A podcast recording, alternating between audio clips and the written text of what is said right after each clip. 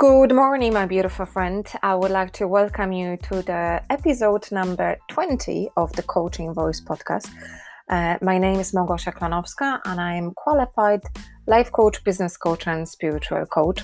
On a daily basis, I help other female solopreneurs to grow their businesses and within themselves with the pinch of spirituality on top. Today, I decided to talk to you about uh, defining your market and how to be more specific about um, targeting your ideal audience. However, before I get to that, I would love to take this opportunity and thank you, thank you, thank you, thank you, thank you for a beautiful messages, emails, and phone calls I received uh, last week on my birthdays. And I know I had um, sent a message and replied to every single one of them you directly who had uh, contacted me last week. However, I also want to take this opportunity to say it. Thank you so much from the bottom bottom of my heart because you made my day special. Special. I feel like I had an absolutely wonderful birthday, and I'm so grateful and I'm so happy uh, that I'm surrounded by so many amazing souls, uh, full of light, full of happiness and positive, good, optimistic energy and I would like to thank you uh, for that. Uh, coming back to our main topic today, which is how to define your um, market there's a few things that I want to mention. Uh, obviously, if you've been here with me for a while, you've been uh, listening to my previous episodes, so you can definitely recall episode when I am talking about the client, which is how to define your client, which is where to find him, which is how to communicate with him. So I'm not going to talk about this.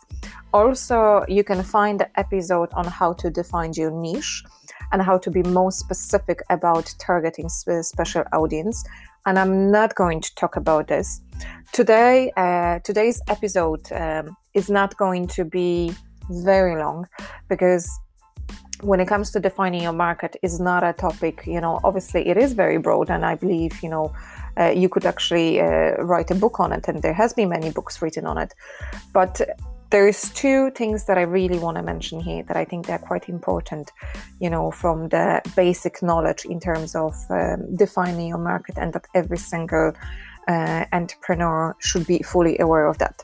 Because when we're talking about defining your market, market can be split into into two parts, where one of the um, um, sections would be um, focused on the business as in B2B, as in business to business clients. Uh, the other section could be split into customers. So what we've been actually uh, seeing, you know, on the in the very in the commercial world, you know, that we live in uh, at, the, at the moment, we can see the grocery shops, we can see supermarkets, we can see clothing shops. You know, they they are specifically deliver to the customers, right? However, they are only mid link between the companies who had manufactured, who had produced such a product delivered to that shop so we could actually go and we can purchase it. The same rule apply to us as a solopreneurs, as a into as a um, entrepreneurs as well. And some of our products or some of our services are being targeted to consumer directly and some of our products and services are being directly to the to the other businesses. Because when you think about a hairdresser if you think about a beautician if you think about you know stylist they uh, very much you know direct the service into the customers directly. However you could also have those uh, services being directed to other companies because when you think let's say about the personal stylist or the makeup artist maybe she or he doesn't work with the customers as a one-to-one. Maybe she's working with the bigger companies like a modeling agency companies like a big clothing companies like a televisions like a tv stations um, who require such a services. So they would be issuing uh, they be invoicing other companies. So they don't actually invoice specific single customers. They specific you know they they deal only with other other other other businesses and i think that's uh, very clear it's the same uh, for you when it comes to let's say coaching or therapy or healing. You know some of those services could be specifically um, designed for the needs of other business owners so you wouldn't actually work with anybody else. And it's like and this is actually very true for myself because 99.9% of my clients they're all business owners or they're ladies who are thinking of becoming business owners. There's only 0.1 percentage uh, of people uh, who have uh, who are in employment with somebody else uh, that I'm working with, and it's only because uh, of the recommendations, only because of the referral and the request uh, that was made to me to uh, to work with that person, which I don't uh, do it frequently. However, you see, I love people. I I am a, a, giver, and for me, giving is bigger bigger than taking. So I never um, say no to anybody if I feel that I want to help somebody. Obviously, my main focus is on the ladies who um, are in business because this is actually my background. This is my field of expertise. This is what I feel the most comfortable with. This is where I can actually bring up my um, over 20 years of knowledge, of experience, uh, and expertise into my coaching practice. So that's why I, I concentrate on that field. However, if um, there is a single individual that I can feel it will benefit, you know, from uh, uh, from my offer, from my coaching skills and my set of skills.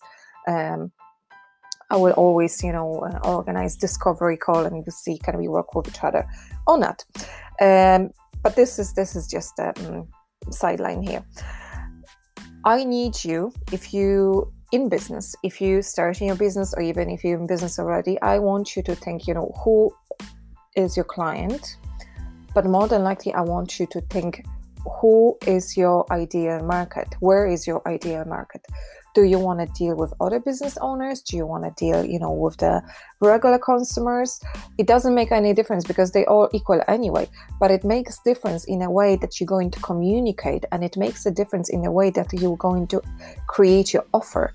Because you will communicate differently with creating your offer for people who are in employment but you will create different offer to people you know who are uh, who are business owners it's like if you deal with the bigger company, obviously, you know, that will be very different structure and will be different, different uh, offer altogether. So that's why I think it's very important to know who do you want to work with who do you want to deliver whose problems are you serving uh, solving whose you know issues do you want to um, get resolved because by knowing your customer inside out you will be able to deliver that product. You will be able you know like to specifically create the offer in the language that uh, your ideal client is communicating which will allow him to resonate with what you're saying which will allow him to be in the place where hmm i can i feel like that or this really resonates with me or oh my god she went through what i went through you know? So obviously she overcome the problems that i need to overcome. So she's the person that i want to work with right? And also what i want to mention here as well is the way we present ourselves to businesses would be slightly different to the way we present to our ourselves to um, uh, to the um, individuals, uh, individual consumers as well, because there is a slightly different level, you know, of expertise. There is uh, of expectation. There is slightly different, you know, um, quality of services that you would expect. It's like for me as a business owner, if I was going to work with somebody, I never would work with somebody who is creating uh, lives uh, in the uh, bedrooms with the bed behind the backs. Obviously, if there was some backdrop, if there was, you know, some space on the side that doesn't actually show me how this person sleeps at night, you know, would be a different story. I would never work with the person who shows up herself, you know, with a greasy hair, with um, dirty, filthy, uh, ripped clothes, because this doesn't resonate with me. This doesn't, um, you know, sell me the package of this person who is trying to offer to me as a business owner. I actually think it's very disrespectful to my time. I think it's very disrespectful to me. Where if the same person was offering a product, you know, a service to uh, a consumers, you know, maybe that would work perfectly fine because you know there so, there are so many people who don't wash themselves every single day. There are so many people who you know who do not uh, tidy their bed every single day. And you know they want to relate to other people's that have you know certain level of similarities as them. But this doesn't work for me you know? So just be conscious of the presentation. Be conscious you know how you show up you know how you want to be seen how you want people to uh, to see you and how you want uh, others to uh, to relate to you to your offer and your product as well.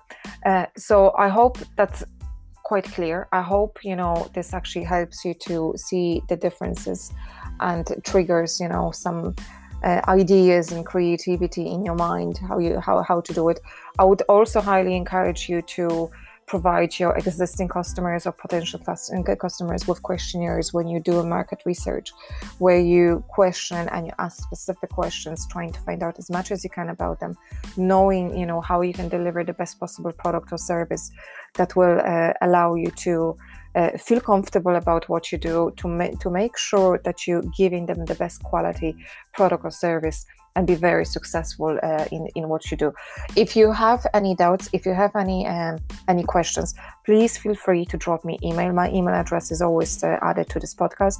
Also, um, once a month, I organize business mastermind classes where we uh, discuss issues of um, how to stay motivated in business, how to find your ideal client, how to define him, how to communicate with him, how to build a personal brand, how to um, use social media in business, and also how to sell in business. So if you're struggling with any of those um, any of those areas, you're very welcome to drop me DM. I'd be very happy to give you all the information you need. I'd be very happy to provide you with um, uh, with with more details as the next group is starting in two weeks time and uh, and I'm taking only five people per month for groups. So it is very personalized. It's very uh, my programs even that they have a you know fundamental structure they're extremely personalized to the needs of the people that are in the group. So I never do one one fit all uh, I adjust the program to the needs of the people that are in the group. So the sooner you sign up, the better I, will be able to serve you and deliver you. So please don't be shy. Feel free to um, drop me a DM. I will send you all the details, all the information. We can organize a discovery call and uh, just to catch up, have a have a chat on how I can help you solve your problems and your issues to make sure that your business is running smoothly. And for now, I just would love to th- thank you for your time. I wish you lots of love, happiness. I wish you all the best, and I'm looking forward to have you here next week. Bye, friend.